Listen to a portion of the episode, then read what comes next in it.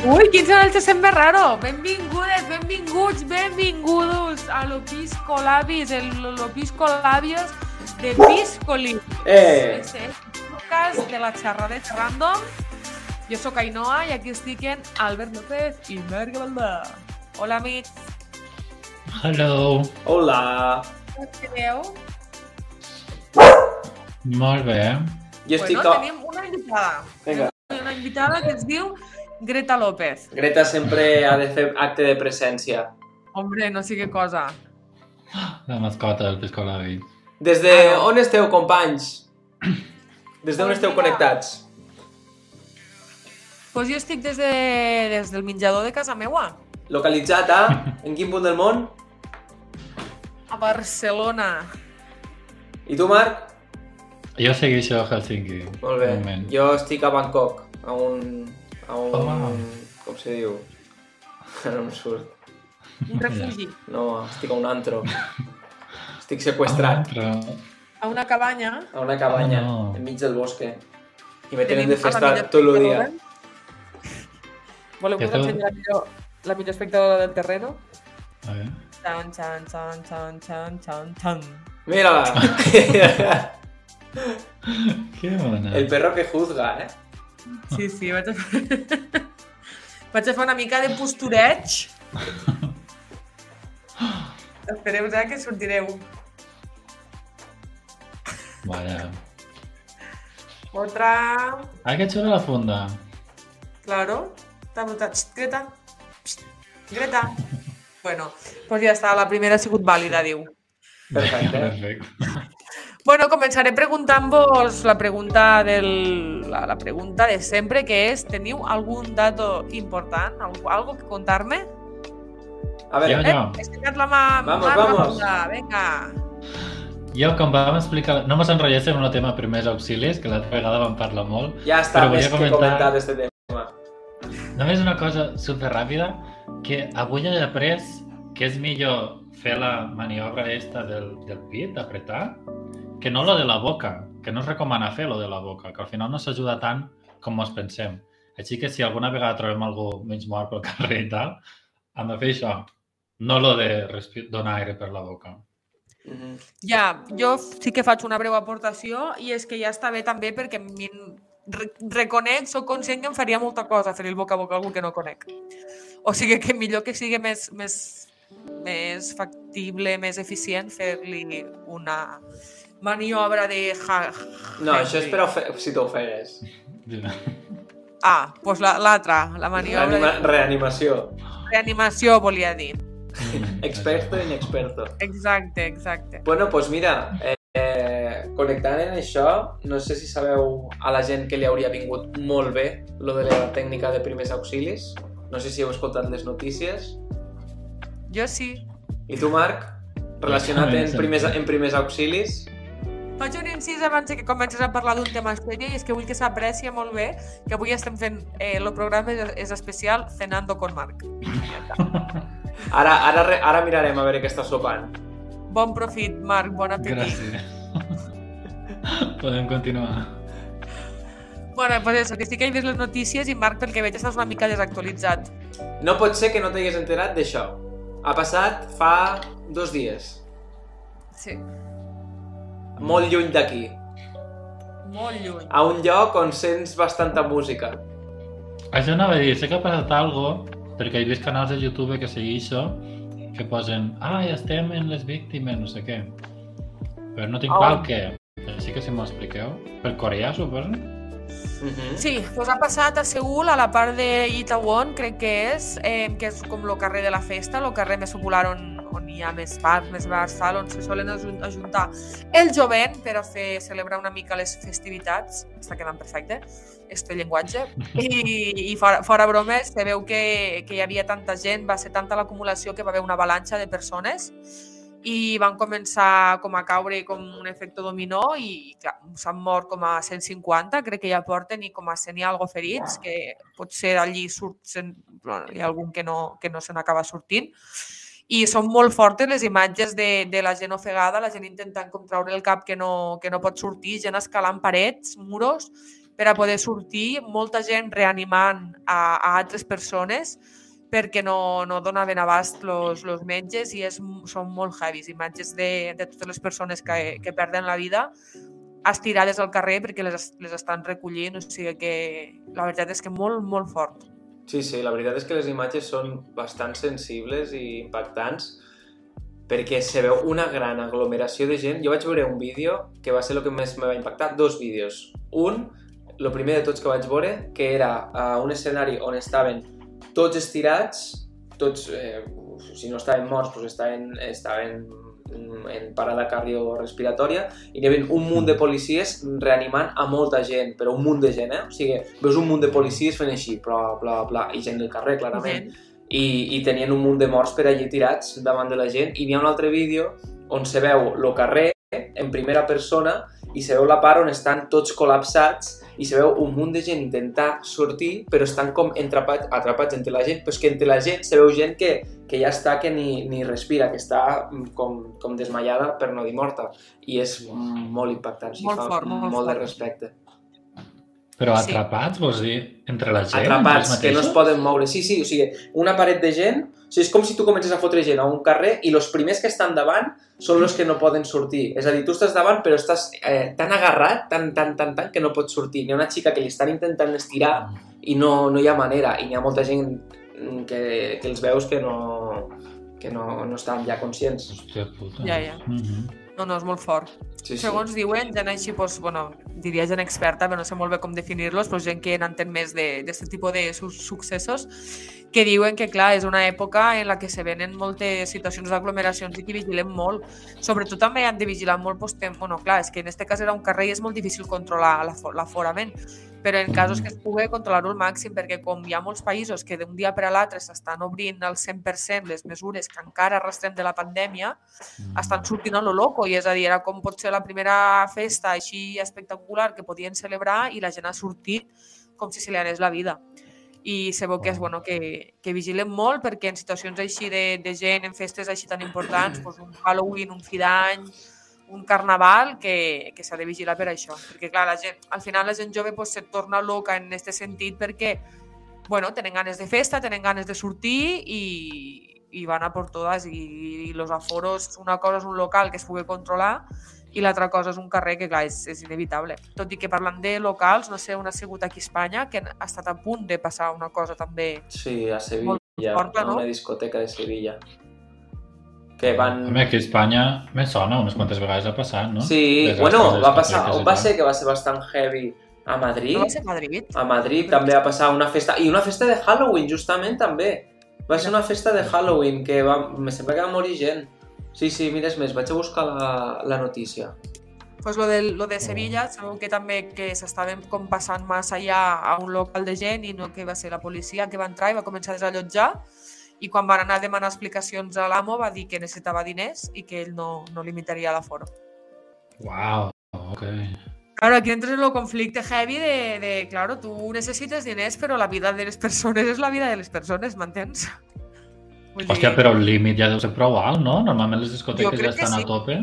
jo crec que ja, és- ja, ja pot entrar bastanta gent com per a que tu vagis dient no, no, que deixaré entrar més gent perquè tinc falta de diners, saps? Vull dir, molt fort, Ja. la veritat. Joder, que heavy. He trobat la notícia, eh? eh va ser el 2012, eh, Arena 2012. Mira, la paso por aquí. Ah, tres chicas mueren aplastadas en una macrofiesta de Halloween. La causa de una avalancha, según la policía, o un ago- agolpamiento. Segur que van sobrepasar l'aforo i que, i que va ser allò horrible. Van morir tres, tres noies. Tres noies. O cinc, cinc. Aquí fica tres. Aquí fica tres. Crec que la notícia era molt recent, però ara quan estava buscant he llegit cinc víctimes. O sigui que van morir cinc, cinc persones. Joder, que es diu ràpid, eh? Gent que surt de festa. Sí, sí, sí. Ja el Sí, sí, següent sí. dia, mira. sí. Molt bèstia. Vaya borrada. Home, aquí sempre jo crec que la culpa...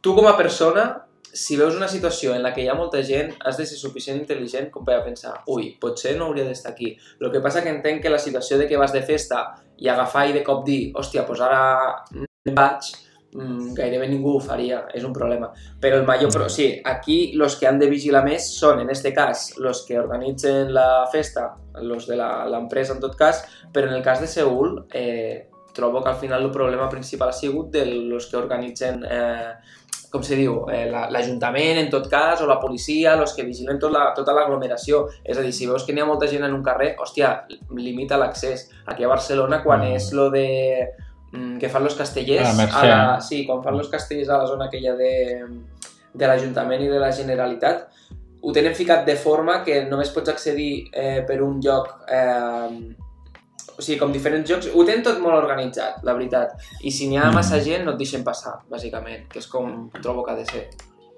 Claro, quan fan la Mercè allò dels carrers decorats, no sé com se diu, també ho Gràcia. super, super limitat. Sí. Això, gràcies. Sí. Que és d'un únic sentit, és d'un únic sentit i, per exemple, hi ha carrers on tu no et deixen passar. Te diuen, has de fer la volta Mm. per allí detrás i tal, per a que no passen aquestes coses. Clar, clar, que al moment dius, oi, me cago en la puta, no sé què, però mira, Sí, sí. igual està Ja. bé que ho facin. Se fa, sí, se fa per bé, la veritat. Mm. Jo sóc el primer que quan me trobo en situacions de molta gent eh, jo m'agobio moltíssim. Però no perquè pense en aquestes situacions de pensar, ah, hòstia, ara a veure si se liarà pardíssima, passarà algo, sinó perquè simplement el fet d'estar entre tanta gent eh, uf, jo no puc, no puc. L'altre dia vam anar a comprar al Primark i, tam i vas, va vaig arribar un moment que vaig dir me'n vaig al carrer perquè no, no aguanto tanta gent. Sí, sí, de veritat. O sigui, Ai, sí, havia... La veritat és que... Uau. Bueno, vam, vam coincidir, eh? No és que haguéssim anat junts. no, no, ens vam trobar per Sí allí justament. I sí que és veritat que hi havia molta gent aquell dia. Sí, Molta. sí, sí. Hola. Pues bueno, jo vull treure ja hierro a l'assumpte, vull canviar de temes perquè no vull que això sigui un podcast trist que de notícies tristes ja en tenim prou a la Pues sí, realitat. la veritat. Jo avui Sí. m'agradaria donar-li protagonisme al nostre company i amic Marc, Hola, per què? No m'agrada. perquè me trobo en un moment, suposo que això més gent de les nostres xarxes socials ho compartirà, en un moment de saturació vital, de, de agobio, de no, saber, no saber-me organitzar, no saber mm, fer una rutina i com tu, a tu se't dona tan bé, doncs m'agradaria que aprofitéssim l'ocasió per donar-nos uns tips de com, com organitzar-nos en el nostre dia a dia. Uau, vaya preciós, eh? M'encanta, Marc, com, com dissimular eh, menjant. Aprofitar petits moments, en plan, no m'estan mirant, ara. Que si no se'm gela, he d'aprofitar. Claro. Eh, pues jo volia començar dient el que t'estava dient offline, que igual pot ajudar, no sé. Que vaig veure, no sé si era un TikTok o què collons. Mira que estic poc a les xarxes No, socials. un TikTok, un TikTok. Un TikTok. No El que és que diuen TikTok. És TikTok! Com és, com és, TikTok? TikTok, tal qual. Ah. TikTok on the clock. Ok, així me'n recordo. Pues hi havia una senyora que deia que no mos hem d'esperar que la motivació mos vingui per arte de Dios, que som nosaltres els que mos hem d'esforçar començant a fer petites coses i que la motivació després mos vindrà. No és que estiguéssim gitats al llit sense ganes de fer res esperant que mos vingui la motivació, perquè això no passa. Si estàs gitat mirant xarxes socials, mirant el que sigui, seguiràs fent això perquè no estàs fent res i el teu cos com que no, no et demana fer res. Però si, per exemple, a mi m'ha passat molt en l'esport, m'agrada molt anar al gimnàs, però de vegades me, me fa peresa, el que faig jo és començar fent alguna cosa més petita i llavors ho encadeno en el gimnàs. I per posar un exemple pràctic, m'agrada bastant ballar, doncs començo fent un ball, estic motivat, ja tinc les endorfines, no sé com collons se diu, després ja vaig cap al gimnàs perquè estic motivat. Mhm. Pues suposo que en això, si ho relaciones en altres coses que vulguis fer tu, també pot ajudar, però això de esperar que mos vingui la motivació, això no passarà mai, així que mos hem de treure aquesta cosa de, del cap. Jo- Ui, m'ha quedat bastant bé. Sí, sí, molt bé, molt bé. No, no, Uau, com... molt bé. I a més jo estava pensant el mateix, que justament crec que les persones que volen aconseguir algo en la vida, ja sigui gran o petit, um, és com moltes vegades l'error és en pensar en el resultat final i pensar com aconseguir-ho el més ràpid possible. Exemple, eh, me vull posar en forma al gimnàs i tal, i dius, hòstia, vinga, va, demà vaig al gimnàs, aniré demà, passat, eh, superseguit, moltes hores, a tope, què passa? Que al fer això ho canses i es tracta més de, bueno, mm, fer petits passos. Millor anar demà mitja horeta. Si avui no puc, no vaig. Ja aniré, aprofito per anar a caminar d'aquí a, a casa en lloc d'agafar transport. O sigui, trobo que al final són petites coses i és anar pujant mm, escales i a vegades sí que és veritat que durant el camí retrocediràs, però al final això és per a després mm, poder seguir més avant. Trobo que el gran error és este, intentar fer grans passos i intentar fer grans passos és quan de veritat no arribes al teu objectiu. Clar, sí, sí. Això me passa moltíssim, per exemple, per canviar del tema gimnàs, que això és com el més Sí. fàcil per a mi, diria. quan me veu un gran projecte a la feina, mm. -hmm. per la que tu dius, és una cosa tan gran que dius, sí. no sé per on agafar-ho. Pues, el primer que has de fer és com dividir-ho en subtarees Mm -hmm. i una vegada vas començant a poc a poc, llavors ja no apareix com un, un monstru que no, Exacte. que no arribaràs mai, que no l'acabaràs mai. Si vas fent poquet a poquet i ho vas com subdividint, Ja estàs avançant. és una passada, sí, Sí, sí. sí, sí. I al anar, al anar tachant les coses, al anar posant tic, també Mm. t'ha motivat moltíssim, que és el que Sí. diem, has de fer petites coses per anar guanyant Totalment. motivació. Totalment. No aniràs directament, jo què sé, el treball final de màster, per exemple. Dius, de fer un treball final de màster. Dius, hòstia, això és una cosa que estaràs un any, que dura moltíssim, però pots començar, necessito buscar llibres relacionats amb aquest tema, necessito links, necessito vídeos, necessito no sé què. I a poc a poc pues, ho vas construint. Sí. Bueno, és com situacions de dir, per exemple, hòstia, me vull ficar les piles en, en l'anglès, per una persona que diu mm, Mm, hòstia, no tinc suficient temps perquè entre que vaig a treballar, arribo a casa, eh, limpio, eh, no sé què, trec el gos, faig el sopar... Bueno, és igual, el que sigui, excuses de que no tens temps. Mm. Jo crec que al final, si aprofites, exemple, una persona que diu que no té temps, eh, lo rato que va des de casa a la faena, si va en bus, té, jo què sé, fica-li 15 minuts. Hòstia, doncs aprofita cada dia este rato 15 minuts per a estudiar en Duolingo o aplicacions així que et puguen ajudar. Segur que avançaràs molt més que si no fas res per a, per a intentar arribar al punt que t'agradaria. O sigui, ficar una excusa al final mm, és descartar totalment el teu objectiu. Mm. Clar, és que al final si et poses excuses... L'altre dia parlava en no sé qui, que dius, estem acostumats a anar a la feina i a, anem a la feina perquè hem d'anar a la feina, mos paguen i tal. Sí. Però després de la feina no estem acostumats a fer coses per nosaltres mateix. Per exemple, si volem començar el podcast, posa-li, pues, també porta, porta lo seu. sí. Però és molt fàcil dir, ja ho faré, ja ho faré, perquè com que no tenim un jefe, no tenim una persona que ens digui ho has de Mhm. fer, però al final posar-nos excuses a nosaltres mateixos és encara pitjor, és com més feo, perquè t'estàs faltant el respecte a tu mateix, saps? Per això, sempre que tinc... Està apuntant una borrada, i no? està, ficant, està ficant nota als comentaris. M'encanta, sí, sí.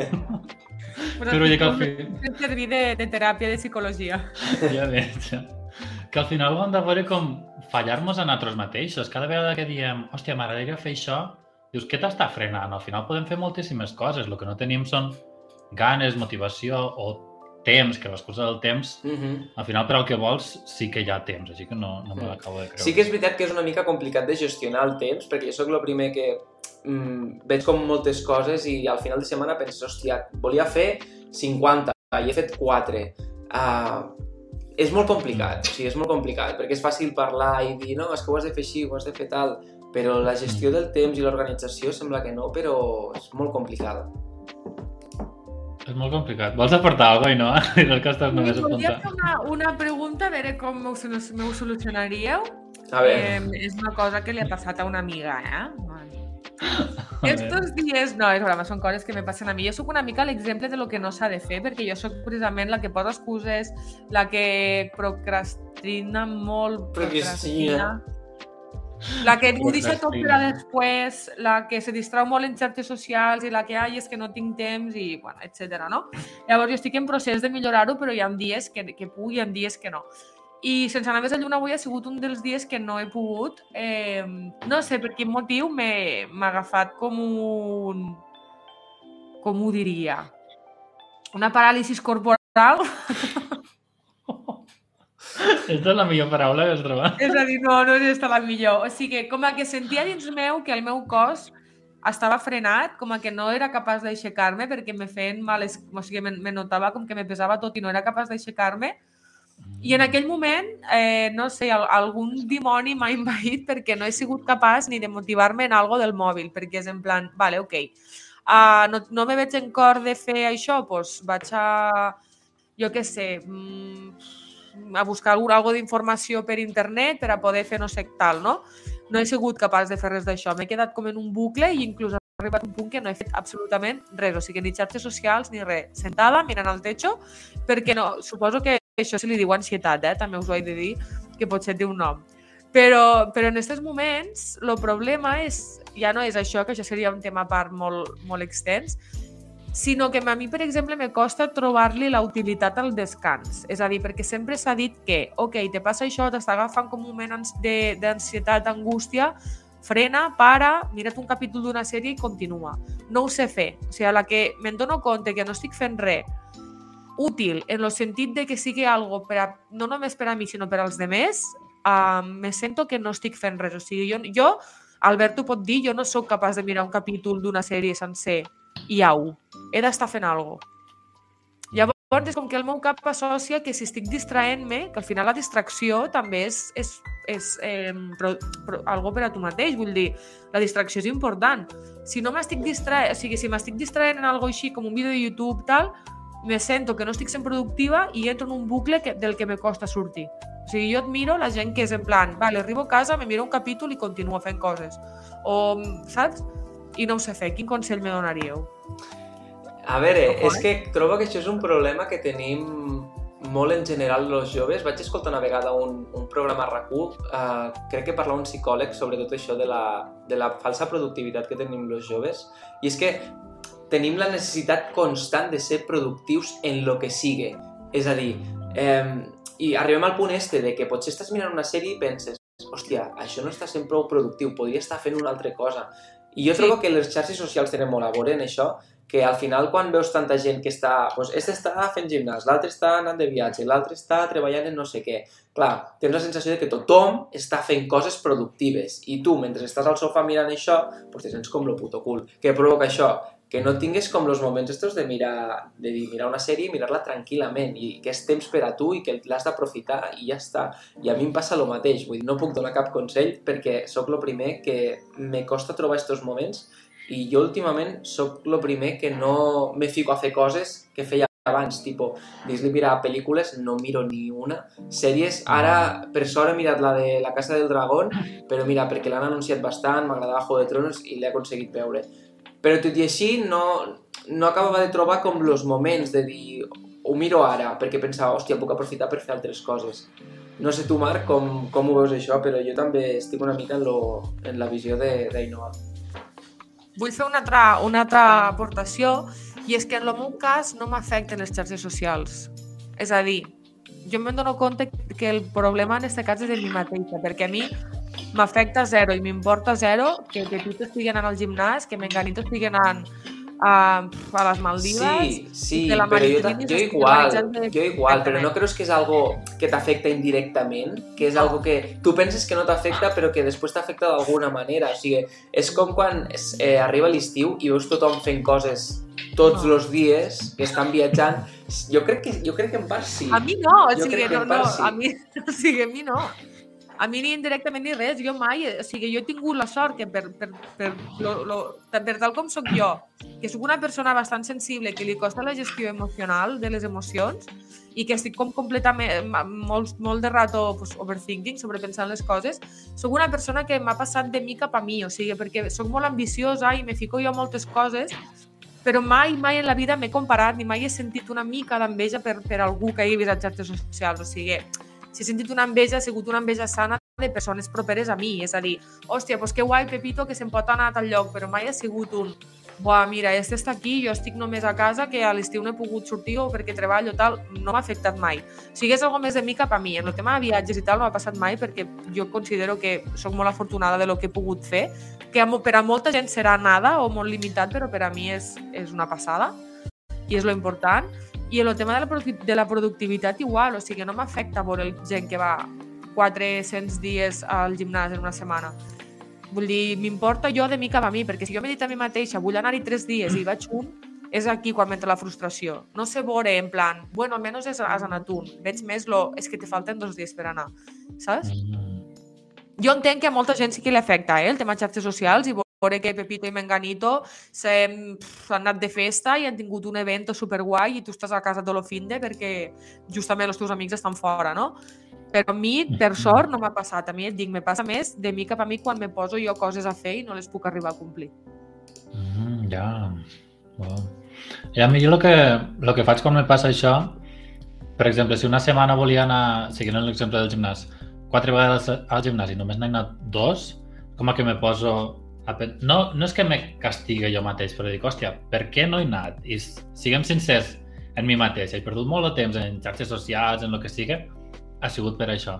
Si ha sigut per ganes, per què no tenia ganes? Si ha sigut perquè treballava molt, doncs mira, de quan en quan s'ha de fer i ja està. Però intentar analitzar el motiu de per què t'ha passat i això te servirà per a millorar la setmana vinent, almenys és el que a mi me passa. I si fas la majoria de coses que t'agraden o trobes coses que t'agraden una miqueta dins de lo que no t'agrada, llavors com que tot és més fàcil. Mm -hmm. No sé. Jo I ara, acabo... per... Digues, digues. Digues, digues. Digues, digues, digues, digues, digues. No, Digues, tu, tu, digues, digues. No, no, tu, tu, tu. Endavant. Anava a dir que jo ara ho tinc com més fàcil perquè estic fent de voluntari, és com que treballo menys hores, però també te'n dones compte de que quan menys coses tens a fer, més desperdicis el temps, que això també és una mica una putada, perquè a mi no m'agrada gens. Però també trobo que estem molt acostumats a, a descansar, i descansar està bé, que és el que diem, però de vegades mos passem en l'excusa de ah, és que necessito descansar, necessito mirar un capítol d'una sèrie, necessito mirar molt de rato les xarxes socials.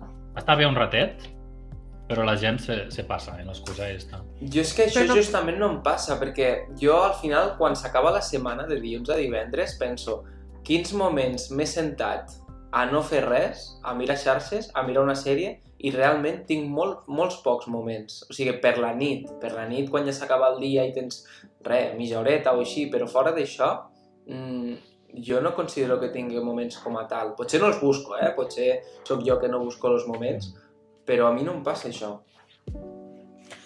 Ja, però jo, cre o sigui, jo crec que és trobar un equilibri, perquè és a dir, quan se necessita un descans, se necessita, però trobar un equilibri entre una cosa és descansar una hora, l'altra cosa és descansar-ne quatre, no? Llavors és trobar, trobar l'equilibri perquè hi ha gent a qui li ompli mirar una sèrie o mirar quatre capítols de Sí, cop. sí, i tant. saps? Ja. Hi Llavors, ha gent que es mira tota una sèrie una tarda i acaba I i diu, exacte, puta, vaya tarda més meravellosa. No, no, i això està superbé, però llavors com que has de tenir molt Mhm. clar què és el que realment a tu t'ompli. Jo sé que a mi no m'ompliria, però també sé que m'agradaria saber trobar un ratet per a, per a posar-m'hi, per a mirar alguna cosa, perquè no, no ho faig i no, no me, no me sé concentrar, o sigui, no, he perdut la capacitat de concentrar-me, és que ni mirant una, una algo, saps? Però jo crec que, que, que jo m'he apuntat aquí tots els vostres consells, com una bona alumna que sóc, Mira, m'he ahorrat, m'he ahorrat el psicòleg, Mira, i, i, i ho, ho seguiré i ho començaré a fer. De fet, tinc, tinc les, o sigui, les eines les tinc, és que tinc una agenda divina de la muerte, on està la portada? Aquí, Mm. que, que, l'he- que la omplic, eh? El que passa que a vegades no la seguixo i tinc una altra aquí, una agenda fitness, però també per a millorar els meus hàbits del dia a dia. Si és que les eines estan, però... falta aplicar la pràctica. Això és molt tradicional, este d'aquí, eh? Mira, parlant de tot això, he trobat un concepte que es diu uh, productivitis. Culpa quan Oh. no estàs fent res. La culpa neix a partir de tenir un sentiment agradable que es contraposa amb un pensament. Wow. Jo, segons internet, tinc tinc un munt de síndromes i, i, i, productiu i coses. Perquè cada vegada que fico, me pasa esto, no sé qué, fica, te pasa no sé qué, no sé cuántos, tienes tan. I jo, ah, això ho tinc jo. Vaja. Sempre me passa. Veig moltes coses que tinc, perquè l'altre dia que, que me va sortir que ficava, ah, el FOMO, que és com una fòbia a perdre Oh, moment. m'encanta. Mm. I, jo, i claro, jo mirant lo que passa, la gent que té FOMO, dic, sí soy. Pues tinc FOMO Però també. no acabes de dir que no, que no t'afecta. No, les... però FOMO no té res que veure amb xarxes socials. O Ah, jo xarxes? relacionat amb FOMO. No, no, és, és en general, sí, sí, no és només xarxes socials. No, lo del FOMO no és lo de la temor a perdre't coses. FOMO literalment és fear, or mi fear of missing out, temor a perdre Això. coses, sí, sí. Però sobretot jo ho relaciono amb xarxes socials perquè és el que deia l'Albert antes, Ah, que veus una història d'algú de festa i dius, ai, a mi m'agradaria, veus algú de viatge, Ah, no. dius, ai, Vale. m'agradaria. Pues no, a mi me passa en el sentit de voler estar tot arreu i de si no estic, per exemple, Mm. me coincideix que un dissabte a la nit tinc un sopar familiar i les meves amigues se'n van a sopar. Pues me costa molt eh, saber, saber, o sigui, dir que no a una de les dues coses, perquè penso que me perdré aquella cosa. I tendixo molt a pensar, és que si no ho faig, eh, me deixaran de parlar o pensaran que no vull, saps? Vull dir, com unes, unes boles que la, Mm. en veritat és nada, perquè és com, ok, tens un dinar familiar, eh, mos veiem un Clar. altre dia, Jo, parla la La, la qüestió és disfrutar de lo que estàs fent i no Sí, pensar en lo que però- hauries fet. O sigui, el que, lo que l'altra gent me diu en plan, ok, tranquil·la, mos veiem un altre dia, al meu cap és, ja no mos verem mai més, m'acabes de traicionar, ja no voldré estar més en tu, i bueno, tu cu tu, Oh tu cu God. Tu... Todo el rato, todo el rato. Bueno, aquí també A mi- entra la necessitat de voler fer tot, Me'l eh? tallo, me'l tallo el cap, me Sí. fico aquí un gabinet i, i li faig un tall, i és que, claro, què faig? Què faig? M'estic indignant. A mi el que m'ajuda bastant en aquests moments és pensar que a ningú li importo. o sigui, que el que fa ser jo potser al moment que li diga que no a algú, en aquell segon dirà, hòstia, que no pot venir, però després seguirà en la seva vida. Vull dir, no estarà tot No, el rato claro, pensant, hòstia, que no ve, quina putada, mare de Déu, que mare que no ve. Vull dir, cadascú està centrat en la Ja. seva vida i ja tenim prou cadascú en la nostra vida. No, no, Que totalment. cadascú té moltíssim en la seva pròpia vida per preocupar-se del que farà Sí. los amics, los familiars i tot. En algun moment sí, claro, No, bé, però claro. no tot el rato. Mhm. Ja, si és que al final és això, és agafar una mica este pensament que jo la teoria me la tinc estudiada, saps? I, i al final, perquè també crec que he de bueno, hem de pensar jo, si algú s'enfada per aquests motius, per què vols una persona així a la teua vida? Ai, ai. Saps? Vull dir, jo per a què vull una persona que si un dia no puc anar a prendre alguna cosa i, i a última hora l'he cancel·lat perquè ha d'anar a un altre puesto important i me diu, pues xau pescau, pues xau pescau. Mhm. Això és la teoria, és la que la tinc clara i, i he d'assumir-ho, però, claro, a la pràctica, lo graciós és que a la pràctica no m'ha passat mai, però el meu cap me diu que me passarà tots els dies, saps? Lo que està clar és que primer ets tu i després són la resta. No, no, Perquè si no comences per tu, tot lo demés anirà malament. Vull dir, és així. Sí, sí. A mi el que m'ajuda, jo diràs aquí que vaig que tinc la vida perfecta, no sé si, eh? Bueno, una m'agrada- mica. No, És massa. perfecte, Marc. Ets l'home perfecte en la vida Ets perfecta. ben dios, Que el dios perfecte. Però vaig aquí donant consejitos de todo. Però, Però està molt bé. Mira, mira si és productiu, Sí. que segur que està fent el podcast mentre sopa. Mira com aprofita el temps. Mira. No, però volia dir, aquestes coses que te quedes pensant, sé la teoria, però m'està afectant igual, a mi m'ajuda molt a escriure-ho, que crec que ja ho he dit moltes Vale, vegades. també. Però al final, Escribir. quan tens els pensaments aquí al cap, és com que està tot molt barrejat i no té molt de sentit. Però quan ho escrius, poses articles, els pronoms febles que t'agraden tant, poses pronoms febles, poses de tot, llavors ho llegeixes, és com que té un ordre i té un sentit. I t'ajuda moltíssim a trobar la lògica de tot el que tens aquí. Si ho penses quan vas al psicòleg, al final és una mica el que fas. És com que t'ordena una mica els pensaments i te'ls fa veure. És- una mica el mateix. Mira, i més barat. Sí, total. Aplicarem, aplicarem això. Farem el podcast cada dia, tu. Claro. Vinga. M'ha agradat este pot. Bueno, no, no l'hem acabat. Però Bueno, ja, doncs, ja ah, hauríem d'acabar-lo perquè Ah, portem doncs vinga. mitja Estem horeta. acabant, estem acabant, perquè Ja sí que és arribem, veritat que, que no, no, ja més enllà de ser productius o no, doncs, hem de continuar la nostra vida, no? I, i en, los que estem a Espanya hem de sopar, los que estan a Finlàndia se n'han d'anar a dormir, bueno, rentar les dents primer, brut, i, i nada, i això és tot. Ha sigut ha sigut un podcast que m'ha agradat molt, la veritat, m'he sentit molt bé.